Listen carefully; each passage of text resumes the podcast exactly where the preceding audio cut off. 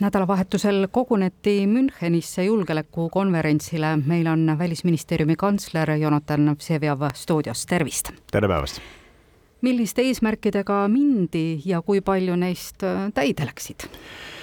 no Müncheni konverents on Euroopas vast olulisim koht, kus äh, aru saada, millest mõeldakse ja mida räägitakse ja meie asi on loomulikult olla nendes aruteludes kaasas, hoida Ukrainat tähelepanu fookuses, see loomulikult nõnda ka läks, Ukraina oli tähelepanu fookuses ja hoida ka Euroopat ähm, selgel kursil äh, selles mõttes, mis puudutab Ukraina toetamist pikaajaliselt. Ähm, me peame andma välja sõnumeid nii endile kui kõigile teistele, et me ei väsi ja ma arvan, et see õnnestus ka suurepäraselt. Euroopa tõestab sellega äh, nii konverentsil öelduga kui sellega, mis ta ise teeb, et äh, ta on ärkamas, omale kahele jalale tõusmas ja ennast käima saamas, eh, mõistes, et eh, kaalul on kaugelt enamat kui lihtsalt Ukraina saatus, kaalul on ka Euroopa saatus ja kes teine kui Euroopa peab siis selle eest hea seisma. see Sam sõnum jäi kõlama. samal ajal tuli nädalavahetusel Avdivka mm, nii-öelda langemise uudis. tuli ja seda Avdivka ümber toimunut on ju, on ju noh, tegelikult on venelased üritanud seda Avdivkat võtta juba neliteist aastat, mitte alates suuremahulise sõja algusest, vaid ju varemgi ja Avdivka langes, Venemaa kasutab seda oma propagandas ära ja loomulikult on see kahetsusväärne, aga tegemist ei ole mingisuguse murdepunktiga selles sõjas või mingi keskse äh, asukohaga. tal on muidugi sümbolväärtus pelgalt sellepärast, et äh, Venemaa seda niivõrd äh, enda kontrolli alla ihales. eks ta on märk sellest, et Ukraina vajab rohkem toetust ja tõdemus, et äh, see, et me teeme õigeid asju, ei pruugi üksi veel olla piisav, me peame tegema õigeid asju piisavalt kiiresti ja siiamaani me pole olnud piisavalt kiired sõjalises abis Ukrainale, aga ka kõikides nendes poliitilistes protsessides, mis me oleme käivitanud. loodetavasti on ta siis ka omamoodi täiendav äratuskell meile kõigile kuivõrd aga optimistlikud on need meeleolud, mis sellel Müncheni julgeolekukonverentsil olid, et kas jätkuvalt on seda optimismi, mis meil siin mõnda aega tagasi oli, et mismoodi sellega on? ma usun, et me oleme jõudnud tunnetest nüüd edasi väga pragmaatilisse faasi. me ei ole ei optimistlikud ega pessimistlikud, me oleme pragmaatilised, me saame aru, mida tuleb teha ja mida on vaja selleks, et hakkama saada, seda saame me ka aru, sõjaline abi on siin üks keskseid ja sõjalise abi andmiseks omakorda on keskne kaitsekulud ja ka oma tööstuspotentsiaali reaalne käivitamine. nüüd on küsimus, kas suudame piisava kiirusega seda kõike käivitada, on tajuda Euroopas teotahet ja see on oluline ja see on positiivne. Ameerika Ühendriigid, mida nad ootavad?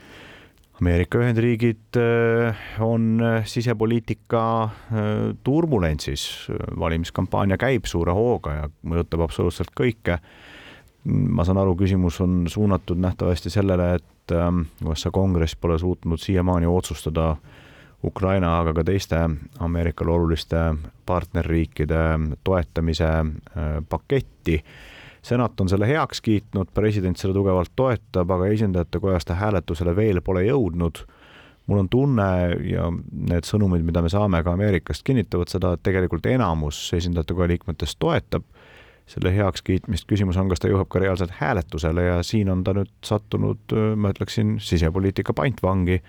ma loodan, et varem või hiljem ameeriklased selle puntra lahti harutavad, küsimuse hääletusele panevad ja et siis on jah rohkem kui ei-sid aga eks ole ka jälle õppetund meile või meeldetuletus meile, eurooplastele, et äh, oma julgeoleku eest peab äh, suutma ka ise seista, nii et äh, loodetavasti nad tulevad meile appi, kui mitte, siis tuleb ise hakkama saada. varsti on Ameerika presidendivalimised. mis saab siis, kui Trump saab presidendiks, just nimelt kui mõelda Ukraina toetamise peale? no sinna on hästi palju aega, sest presidendivalimised ise on novembri alguses ja uus president, on ta siis Biden või, või Trump või, või mine tea, keegi kolmas, astub ametisse alles kahekümnendal jaanuaril, praktiliselt kaksteist kuud on sinna veel minna, nii et äh, eks siis tegeleme sellega siis, kui see on juhtunud. iga president, iga administratsioon toob endaga kaasa välispoliitikas mingeid muudatusi, aga põhilises üldiselt Ameerika strateegilised huvid maailmas on äh, olnud püsivad ja, ja tegelikult tegevus ka olnud püsiv, kuigi ma ei taha kuidagi pisendada seda presidendi suutlikkust või olulisust Ameerika välispoliitika kursi korrigeerimisel või ka rõhuasetuste mõjutamisel juba peetakse siin suuri arutelusid selle üle, et mis saab transatlantilistest suhetest, kui Trump peaks võitma ja mis saab äh, Ukraina toetamisest, kui Trump peaks võitma. ma arvan, et kõikide probleemidega, väljakutsetega või ka võimalustega tuleb tegeleda siis, kui nad ilmnevad. ette pole mõtet nutta, tegeleda tuleb praktiliste probleemidega täna ja need kaksteist kuud selleni, kui uus Ameerika president või ka ametis olev president uuesti ametisse astub, need kaksteist kuud tuleb vastu pidada ja laduda vundament selleks, et, et õnnestuks tõestada, et see Putinile veel alles jäänud viimane argument, et aeg töötab tema kasuks, et see nõnda ei ole, et just nimelt pikas perspektiivis avaldub demokraatiate tugevus autokraatiate ees kõige selgemini. Kas pigem on see halb, et need valimised on alles seal aasta lõpupoole, ehk nii kaua ju venitatakse, keegi ei taha minna, anda valimiskoosolekul oma inimestele seda sõnumit, et me anname teie kui maksumaksjate raha, no ameeriklaste jaoks tont teab kuhu seda on autokraatiad alati äh, proovinud väita, et äh, valimised muudavad demokraatiat nõrgemaks. Nõukogude propaganda tegi seda kogu oma eksistentsi vältel.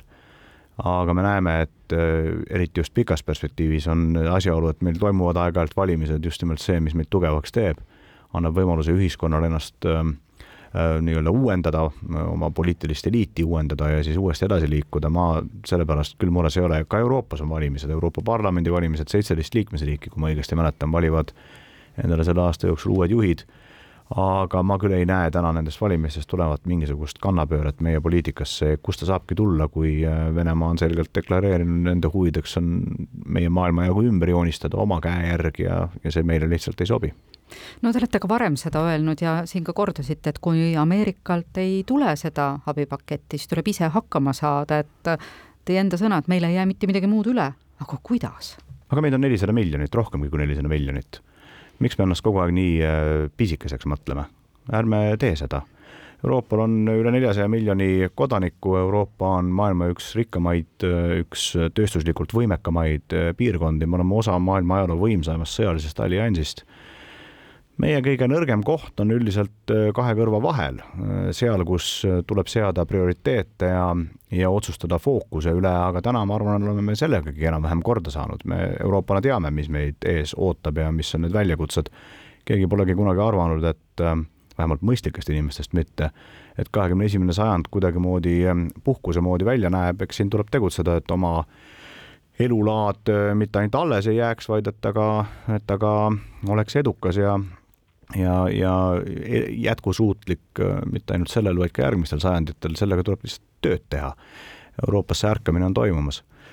Ehm, mis puudutab veel maksumaksjaid, siis äh, muidugi on see küsimus, et äh, palju me tahame oma vahendeid suunata julgeolekusse. Mm, eks ta mingis mõttes ole nagu kindlustuspoliisi ostmine.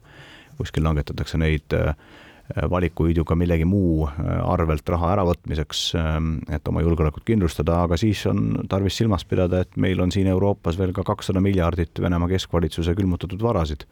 kakssada miljardit, me just jaanuaris tegime Euroopas otsuse märkimisväärse ja olulise, et järgmise nelja aasta jooksul suunatakse Ukrainale viiskümmend miljardit, kakssada miljardit keskvalitsuse vara on siin on täiesti selge, et ähm, debatt liigub aina enam sinna suunda, et kuidas seda kahtesadat miljardit kasutada, esimene samm on astutud, äh, selle pealt teenitud, selle raha pealt teenitud kasum on nüüd suunatud eraldi kontole ja te teate seda ütelust, et kui esimese vaatuse jooksul on püss seinal, siis ta viimaseks vaatuseks teeb pauku, ma arvan, et äh, me seda pauku kindlasti teeme.